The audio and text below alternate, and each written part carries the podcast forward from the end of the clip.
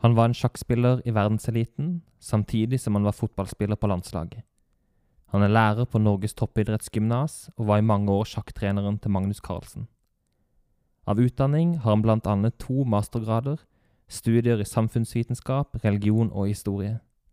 Men det mange kanskje ikke vet, er at han er svært kulturinteressert og synger kor her i Vardåsen kirke. I dag skal vi snakke med Simen Agdestein, ikke bare om sjakk og fotball, men om hva han brenner for. Dette er en podkast fra Vardåsen kirke med programlederne Yngvild Vattum Stuksrud og Olaf Huse Haraldstad. Velkommen til oss, Simen. Takk. Jeg ser at du har på deg joggedress fra NTG. Kommer du derfra nå? Eh, ja. Der kan jeg slentre rundt i joggedress stort sett hver dag. Så det er basecampen min. Der eh, underviser jeg sjakk hver dag, bortsett fra fredager. Eh, for da underviser jeg masse historie. Jeg er også historielærer for tre klasser, eller historie for tiden. Det var du som starta sjakklinja, var det ikke det? Du Ja. kjempa vel litt for å få til en sjakklinje i Norge? Hva var grunnen til at du tenkte at Eh, var er 1998, viktig? det er vel snart eh, 23 år siden. Oi. Eh, ja da, det var ikke mye sjakk på den tiden. Det var ikke noe Magnus Carlsen. Det var eh, veldig lite. Så eh, det var veldig pussig at vi skulle komme inn på Norges toppidrettsgymnas med sjakk. Vi er jo ikke en ordentlig idrett, tenker jo folk. Så det var masse sånne vitser om eh, hva gjør vi der og sånt nå. Og Da sa jo ledelsen på NTG, da, framsynt som de var, at eh, vi betrakter sjakk som idrett. Og det gjør jo også VG, Dagbladet og alle store avisene. Magnus Carlsen blir nominert til Årets idrettsutøver osv. Så, videre. så NTG var, sa det lenge før Magnus dukket opp. Så Der øyna du en mulighet, for her er det, her er det plass. Eh, ja, jeg gjorde jo det, altså. Det gjelder jo å bli veldig god da, i sjakk, og sikkert mange andre idretter òg. De bør helst bli temmelig gode før de er eh, Før de går av gymnaset, egentlig, hvis de skal satse på det videre, da. Ja, altså det er der du tenker det er bra å ha det tidlig, fordi at man må bli tidlig god. For, man må ha en god utvikling allerede. Ja, det må i I tenårene. det, altså. Det er, eh, det hvis de ikke er gode temmelig tidlig, så er det vanskelig å se at de blir uh, verdensstjerner. Mm. Men uh, vi driver jo ikke bare med det. Jeg føler jo at hele prosjektet med sjakklinje er liksom uh, mitt bidrag.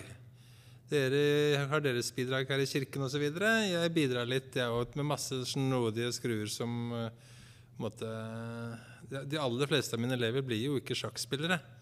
Men eh, de går på sjakklinja fordi vi har det gøy, og vi drar på tur sammen. og har det eh, forhåpentligvis som utvikler seg litt utover bare det å, å spille sjakk, da. Det er liksom en pakke som er eh, ikke bare sjakk. Jeg, føler, jeg vet jo at du gjør ganske mye ekstra for de ungdommene. Altså, det er ikke bare, altså, du engasjerer deg litt. Ja. Eh, jo rarere de er, jo morsommere, for å si det litt sånn.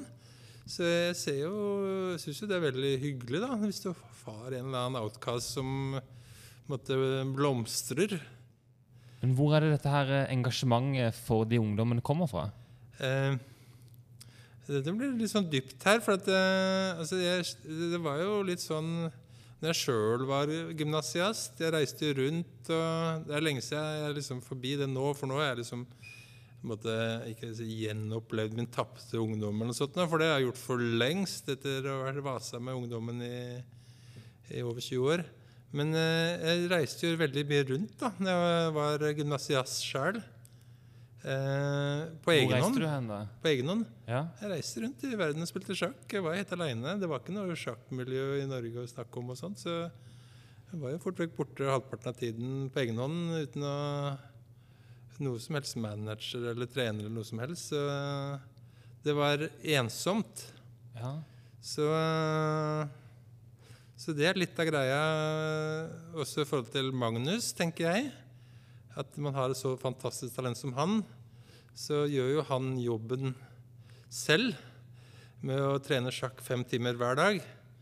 Men også han trenger et miljø og venner og kompiser å leke med og holde på og måtte eh, ja, eh, inspirasjon da, som gjør at han holder koken fem timer hver dag da, fra han er ni år. Eh, som han faktisk gjorde. Men Ble du oppmuntra hjemmefra til å dra ut og gjøre de tingene, eller hadde du på en måte den egen driven? Jeg vil påstå at jeg hadde ganske mye egen drive. Ass. Jeg kommer jo fra en såkalt sjakkfamilie da, med sjakkspillende brødre og sånt. Men eh, eh, det er eh, eh, Jeg vil påstå at det var ganske mye egen drive, ja. Det var, jeg begynte å spille Jeg ble liksom hekta på sjakk da jeg var elleve. Blir dypt her nå. Men eh, det var først da jeg ble ordentlig hekta. Jeg spilte sjakk fra jeg var liten til jeg var sju, men så sluttet jeg liksom midt på skolen og greier. Men det ble elleve, da ble jeg hekta, og da var det full trøkk. Og så spilte jeg sjakk-NM i Molde, husker jeg. Da var jeg tolv. Det var ikke snakk om at moderen og faderen skulle være med på det. Sånn. Vi tok jo toget opp og ordna alt på egen hånd, broderen og meg, som var da 14 og jeg var på 12. Så jeg husker at jeg ringte hjem etter en dag og, at jeg holdt på å sulte i hjel. Jeg klarte ikke å gå på butikken og sånt nå. Da var jo moderen og faderen der dagen etter. Det satte ut seg bilen sporentreks og fylte opp kjøleskapet og alt. eh, Men eh, og sånn var det jo. Eh, eh, reiste mye rundt på egen hånd tidlig. Men eh, det var et miljø, altså. For det, definitivt. Man er jo med produkt av et miljø òg. Men selve sjakken vil jeg tror jeg har veldig mye i meg. Men jeg hadde ikke eh, spilt så mye uten dette miljøet, og uten en brennende generalsekretær sjakkforbund og fint miljø i Asker sjakklubb og alt det der. Mm. så miljø er enormt viktig. Det tror jeg gjelder selv om man er Magnus Carlsen, fantastisk talent. Eh, jeg kan ikke sitte sånn isolert og prøve å bli god i noe som helst, tror jeg, da.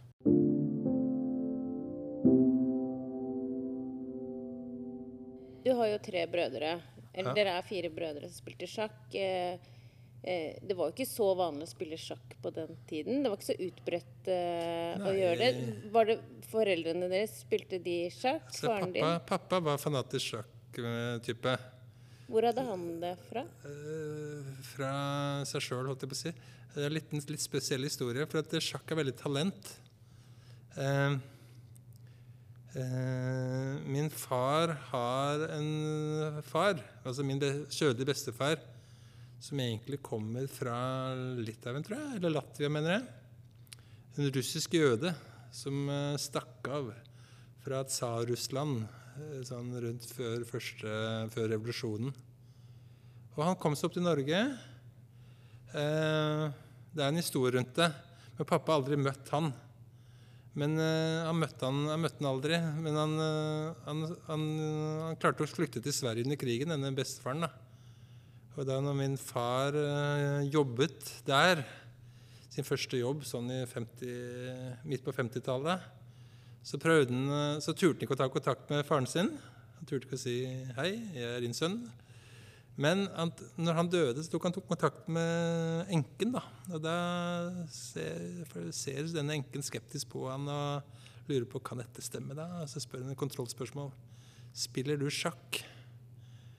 Og Det var jo pappas store lidenskap. da. Og det ble det i godt voksen alder. Han har ikke noe som helst bakgrunn fra sjakk hjemmefra. Kom fra en gård på Vestlandet. Så det var tydeligvis eh, så det er, det er jo fra min bestefar, eh, en jøde fra Litauen, sjakktalentet sjakktalent og gløden kommer fra, for å si det enkelt. Så det du sier er at den kjødelige farfaren din spilte sjakk. Det var det hun enken mente Det med var tydeligvis det som var testen da, på Ja. om det stemte, da, om han virkelig var sønnen. Så, det, og sånn er det eh, litt med oss sjakkspillere. Det er nesten umulig å gjøre noe hvis du ikke har eh, det i seg. på en måte. Og så er det veldig mye med at folk har et slags potensial i seg. Så Noen når jo det veldig fort, mens andre når det litt seinere. Og, uansett hvor mye trener, så blir enkelte bare ikke noe bedre. da. Så jeg tror jeg sjøl hadde bra talent. Magnus hadde jo ingen grenser, det var lett å se i tidlig alder. Jeg, tror, men jeg hadde ikke, det var ikke så mye sjakkmiljø på det nivået. Når jeg, jeg ble den første stormesteren i Norge og sånt, da jeg ble det da jeg var 18 år. Var den yngste i verden. Eh, kom på andreplass i junior-EM da jeg var 15, vel. Så jeg stilte ikke opp i junior-EM etter det, for det var så svakt. for å si det sånn. Det ville bare vært så soleklar favoritt. Så sånn var det litt. Så jeg var jo godt i farta på den tiden. Men eh, det var også en tid hvor det ikke var eh, hvor alle fra Østen altså Sovjet, Det var Sovjet. De var innesperra. Sjakk var ikke så stort i Kina, ikke så stort i India. og Det var ikke noe computer, så det er noe helt annet. da, annen tid. Men jeg var godt i farta i ung alder, eh, nærmest ut av det blå. Men ikke helt ut av det blå. Jeg brukte også veldig mye tid. Jeg kan også sitte ti timer en dag en lørdag og bare sitte og bla i sjakkbøker og sitte og flytte brikker. Men du hadde flere talenter. Du drev med fotball. Ja. Fotball, ja. Det, det spiller man jo for mye moro. Ja. Eh, aldri noe eh, Hadde ikke noe dema, idé om at jeg var spesielt god eller noe sånt der. Det, jeg elsket å trene og eh, trente hver dag, jeg. Og ja, det var viktig. Så det er viktig for sjakken òg, konsentrasjonen. Altså, det var bare Jeg drev med alt mulig da jeg var liten. Er det konkurranseaspektet ved det? Eh, Eller er det Ikke så mye. Tvert imot, tror jeg. Jeg tror det er leken. Eh, jeg fikk noen landskamper, men det jeg tenker tilbake på eh, Så savner er leken på treningene. Skåre på trening og en finte. Og, så det er ingenting med konkurranse å gjøre, faktisk, tror jeg. Fotball. Ikke sjakk heller. Altså, det er ikke det å vinne. Sjakk er litt eh, Hva skal jeg si Det er så grusomt å tape i sjakk. Altså selve sjakkpartiet er, er i seg sjøl lever sitt eget liv, og det er helt forferdelig å tape. Det er mye verre å tape enn det er godt å vinne. da. Det tror jeg alle sjakkspillere er enige om. Hvorfor er det så tøft å tape i sjakk? Nei, så Du sitter jo der og filer og holder på da, hele dag. Kan Kan selv tenke deg, Sitter og skriver 'den fantastiske talen', og så plutselig så bare blir, Det skjer ikke nå, for nå er det autolagra, men så blir alt sletta. da. Bare fordi at du kom borti et eller annet, du gjorde et eller annet uten. Så alt sletta. Det var det dagsverket. Og ikke bare det, det var kanskje hele Så irriterer over det på natten og grenseløst òg. For det er jo veldig sånn, du går jo veldig inn i dette her. Hvis det skal bli bra, så må man gå veldig sånn eh, i dybden. Og det betyr virkelig dybden. Det betyr å eh, å være i boble, som man gjerne kaller det. Og bare tenke sjakk, bare ligge for seg sjøl og meditere. Eh, lade opp hele dagen, ikke snakke med noen. Altså du er totalt isolert i to uker. Eh, preppe litt, går en tur. Virkelig lader opp for å lage et kunstverk. Og så gjør du det opp, og så er alt ødelagt.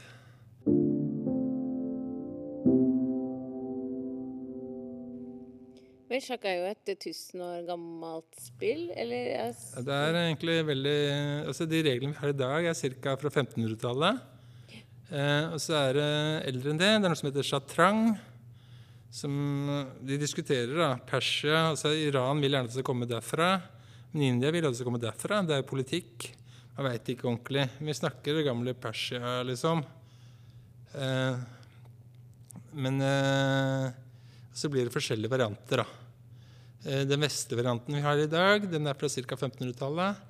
Man har shogi, f.eks., som er kjempesvært i Japan. Og xiangxi, tror jeg det uttales. eh, Kinesisk varianten. Det er jo kinesiske Det er, det er kongespill med konge og altså armé, krigsspill og Men det er forskjellige varianter av urspiller sjatrang, da. Det ble jo spilt i Man har jo brikker fra norrøn tid og sånt nå. Eh, Jeg var jo spilte en turnering på Isle of Lewis i Skottland. Markerte noen sånne hebridende brikker som er 1000 år gamle. da, Sjakkbrikker.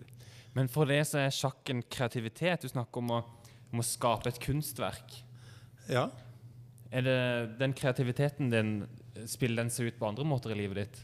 Eh, ja, altså jeg, jeg, jeg brenner jo etter å få nye si, sanger og eh, og så videre. Så jeg syns det er kjempegøy når f.eks. i koret i fjor plutselig hadde en jazz eh, han der jazz, eh, Jeg husker ikke hva han heter heller, men det jazzprosjektet f.eks.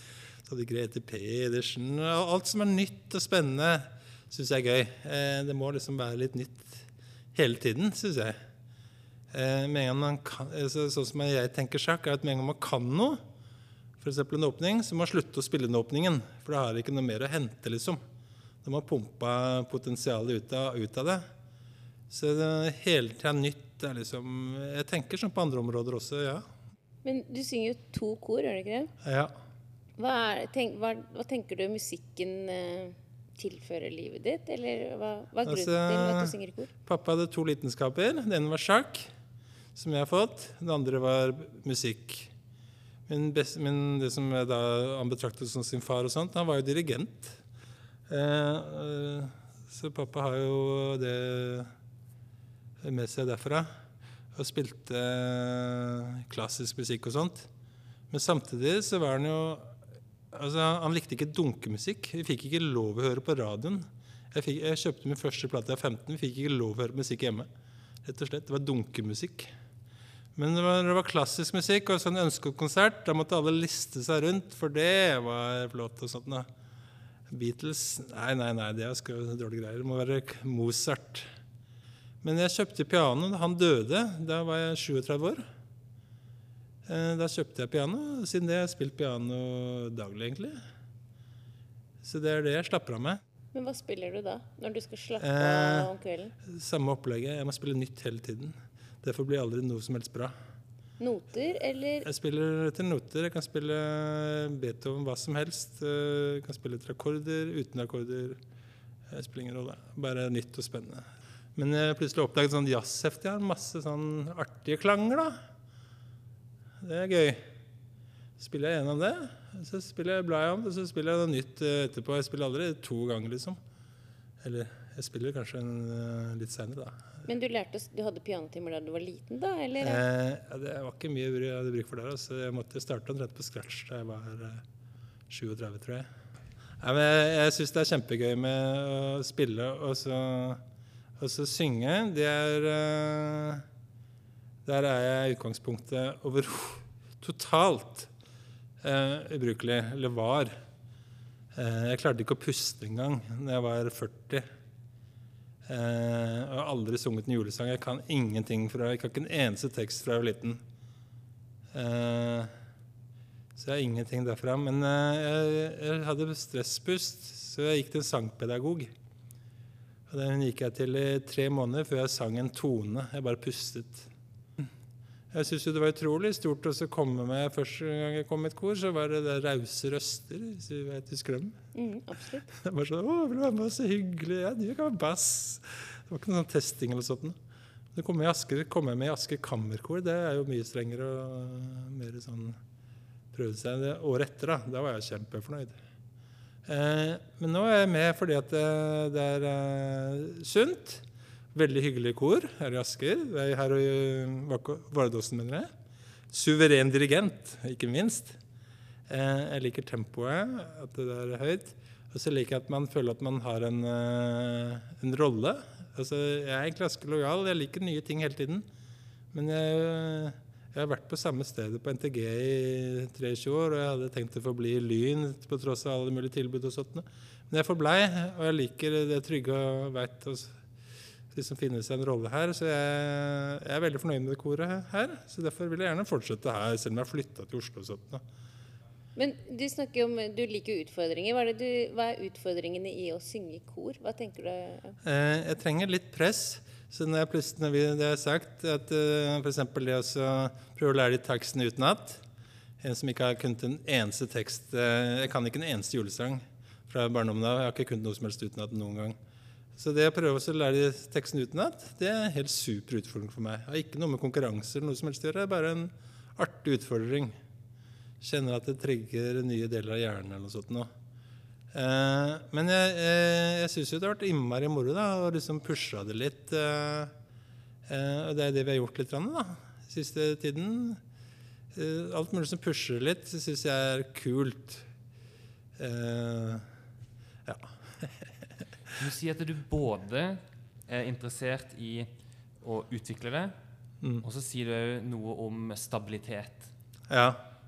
Og um, eh, jeg syns det er en veldig sånn spennende miks. Det er akkurat som du trenger en trygg base, men at du allikevel har behov for uh, utfordringer og, og komme deg videre i ting og teste ut nye ting. Ja, så det har jo, eh, Noen setter seg mål, og du skal uh, og gjør det og det som skal til for å nå det målet. Det er liksom klassiske versjonen. Mens andre har eh, Eller jeg vet ikke om det henger sammen, da. Men eh, det er noe med, for meg så er det indre motivasjon. At jeg bare syns det er gøy å holde på med. Og så gir jeg fullstendig beng om resultatet, eh, egentlig. Jeg er ikke spesielt målretta sånn sett. Jeg liker bare å holde på med noe jeg syns er gøy. Eh, og så er jo min tanke, da, hvis man syns noe er veldig gøy, Så blir det fort vekk at man holder på med det i fem timer hver dag, da. Eller kanskje enda mer. Og da blir jo til slutt resultatet veldig bra.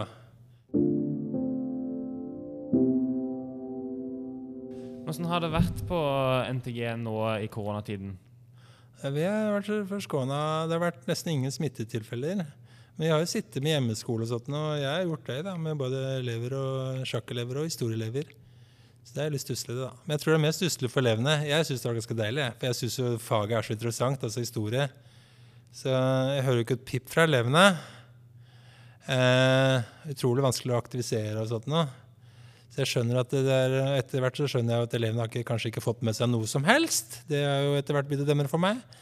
Men jeg har jo kost meg med faget og syns det har vært kjempespennende å oppleve å lese om tsar, russiske tsarer og, alt vi holdt på med i historien. Og ikke brukt et, eh, et, et, et sekund på å si hysj til elevene, for de er jo muta. Hvordan tror du ungdommene Ungdommene har jo betalt en høy pris, da. Ja, jeg har datter på 18 og sånt som er russ nå og greier, så og en annen datter som er på Blindern på par og 20 og greier, så eh, eh, Ja da, de har definitivt Men de, de- lærer Det er jo en opplevelse, det òg, være gjennom en sånn tid, tenker jeg. Så eh, noe er man jo gjennom. Og, og forhåpentligvis vokser man på eh, det, uansett om man det er det ene eller det andre. Så sånn sett det er ikke akkurat bortkasta. Det er jo interessant, kan man si. Dessuten så har jeg generelt veldig liten eh, Jeg tror ikke jeg er spesielt eh, medfølende. For at eh, det går over. Det er liksom bare min OK, du følte deg litt dårlig i dag, så what? I morgen er du sikkert borte. Ja, hvordan er du som far? Eh, nei, jeg er opptatt av at barna skal utvikle seg. Det er mitt store prosjekt. Ikke at jeg skal eh, belære dem noe som helst, men at de skal sjøl få utforske og oppdage og uh, realisere uh, seg, på en måte. Enten det er i en eller annen retning. Det spiller ingen rolle. Men uh, ja, jeg er veldig glad for at jeg har tre barn. Altså. Det er virkelig en, gave. Er det sånn du kjenner du har jo vokst opp? At du fant din vei? Ble Ja, eh, min blei, vei blei jo til da, mens man gikk på den. Det var ikke noe sånn Det er jo et indre Det bare blir slik. Er, det sånn det er? Eh, det var ikke noe plan eller noe sånt. Men eh, det må jo eh, Samtidig så var det jo også altså dagdrømming. Dette er, eller visualisering, som det heter på idrettsspråket. Det er ganske viktig, tror jeg. Eh, man visualiserer jo når man er liten, om et eller annet. Enten det er å bli Jeg vet ikke hva dere visualiserte da dere var liten. Man drømmer jo om et eller annet. Eh, og, og den tror jeg man må gjøre. Hvis ikke så eh, altså Man må visualisere et eller annet, og så blir det kanskje noe helt annet. Men eh, hele veien Jeg så jo for meg sjøl blant de beste sjakkspillerne i verden da jeg var liten. Det tror jeg er lurt, for da blir det ikke, så får man ikke den høydeskrekkfølelsen. Og plutselig er det og faktisk kjemper mot dem. Da vil man fort tenke, Hvis man ikke har liksom vært gjennom en sånn visualiseringsprosess, så blir det sånn Nei, dette er ikke meg. Nei, nei, nei. Man får alle mulige sånn sperrer, da. Man får høydeskrekk, rett og slett. Um, så det er en del sånne mekanismer der. Uh, men samtidig altså Magnus var veldig tydelig. Han skulle bli verdensmester, han, sa han da han var 13 år. Uh, han, han satte ord på det, rett og slett, på målet. Mens jeg tenker bare prosess. Man skal beherske spillet. Beherske spillet, Det er det eneste som betyr noe. Eh, og Behersker man spillet til det fulle, så blir man til slutt verdensmester. Eh, så Det var jo også det han sa da han ble verdensmester. Hva nå? Jo, jeg har enda mye å lære, sa han. Det var det eneste, det var ikke noe sånn å skulle hvile på laurbær. Jeg har masse sjakk å lære ennå, var hans mål.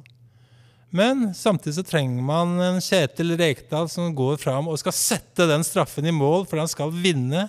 Man trenger dem også, har jeg, har jeg lært i seinere tid. da. Så Man kan ikke bare være prosessorientert, man må også ha litt resultatfokus, har jeg skjønt. da.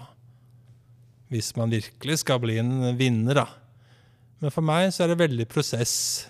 Det slår meg at vi på en annen måte med det du beskriver, og måten jeg opplever vi jobber på i kirka, kan ligne litt. Ja, At ikke det nødvendigvis er snakk om et, et bestemt mål, men Ja. at det er prosess, og det er å gå sammen. ja, sånn som du går sammen med dine elever sånn går mye sammen som medmennesker med de som kommer hit. Ja, jeg ser den. Det er jo det samspillet der som er eh, moroa.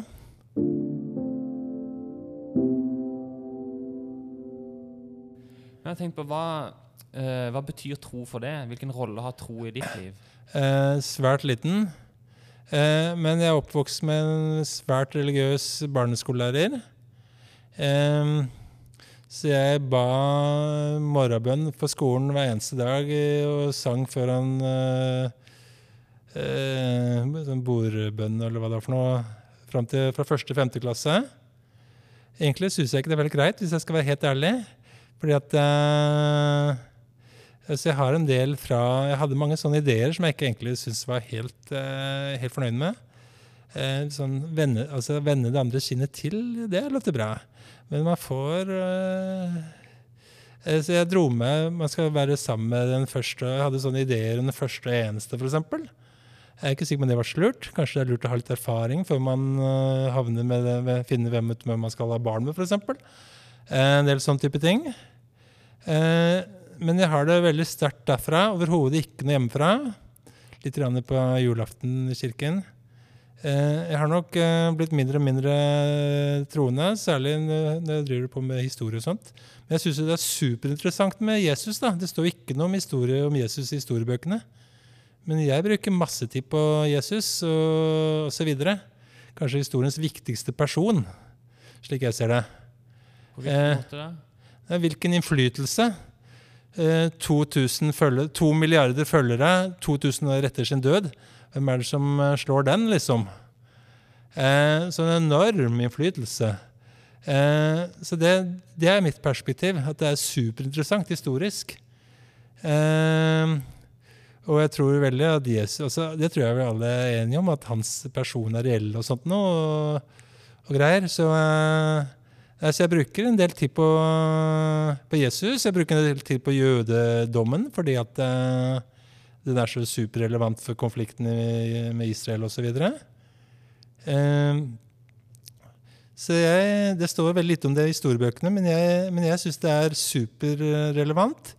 Like mye som jeg syns det er superrelevant med Mohammed og islam og deres innflytelse fra 600-tallet og utover osv. Det står ikke noe om osmanske riket, f.eks. på Altså islams innflytelse også. Eh, så, så det er mer der. Men jeg er ikke særlig religiøs, altså, så jeg må innrømme det, selv om jeg er i kirka. Men eh, jeg sitter nå her og hører på presten, og du er flink, og sånt Og Så jeg kommer aldri til å lære meg Fader vår, selv om jeg ba den hver eneste dag eh, siden første til femte klasse, og ennå hører den ganske ofte i kirken. Men så syns jeg det er utrolig interessant. da. Plutselig leser om den der um, nikeanske trosbekjennelsen. Leser om historien, så er det akkurat det vi sier en dag i dag. Bare justert litt i år 400, liksom. Eller hva det er for noe. Men jeg er totalt åpen, øh, så jeg er ikke noe sånn at det, det er noe gærent med den ene eller andre religionen. eller sånt. Det, eller at den ene er bedre. eller. Der, er- der er jeg helt åpen. ass. Men eh, eh, jeg er jo litt sånn halvåndelig, da. Men eh, det føler jeg av og til at det kan eh, eh, Det føles som at det skjer et eller annet. Jeg hadde en sånn idé om at det skulle skje noe grusomt. eh, altså Magnus ble verdensmester, helt utrolig. Eh, eh, det blir kanskje en dum sammenligning, men eh, Moses fikk jo aldri oppleve det forjettede land, ikke sant? Mm. Jeg hadde en sånn idé han kanskje ikke jeg skulle få oppleve det heller. Og så, mens han spiller den matchen, så klarer jeg å trøyne i skråningen utafor. Sånn pladask ned. En skikkelig bra skråring. Og dette knallhardt ned i en tømmerstokk. Eh, jeg brekker hele bittet. Jeg må flytte hele bittet en centimeter opp. Jeg brekker munnen, rett og slett. Men eh, to centimeter opp så hadde det vært hjernen som hadde gått ad undas. Men det var liksom en sånn følelse jeg hadde at det kom til å skje et eller annet. da. Eh, det var bare bittet. Jeg klarer ikke å plystre i dag. Men eh, av og til så føler man at man liksom har følt at eh, det, det kan man jo kjenne litt på. At ting kan skje, liksom. Man føler på forhånd.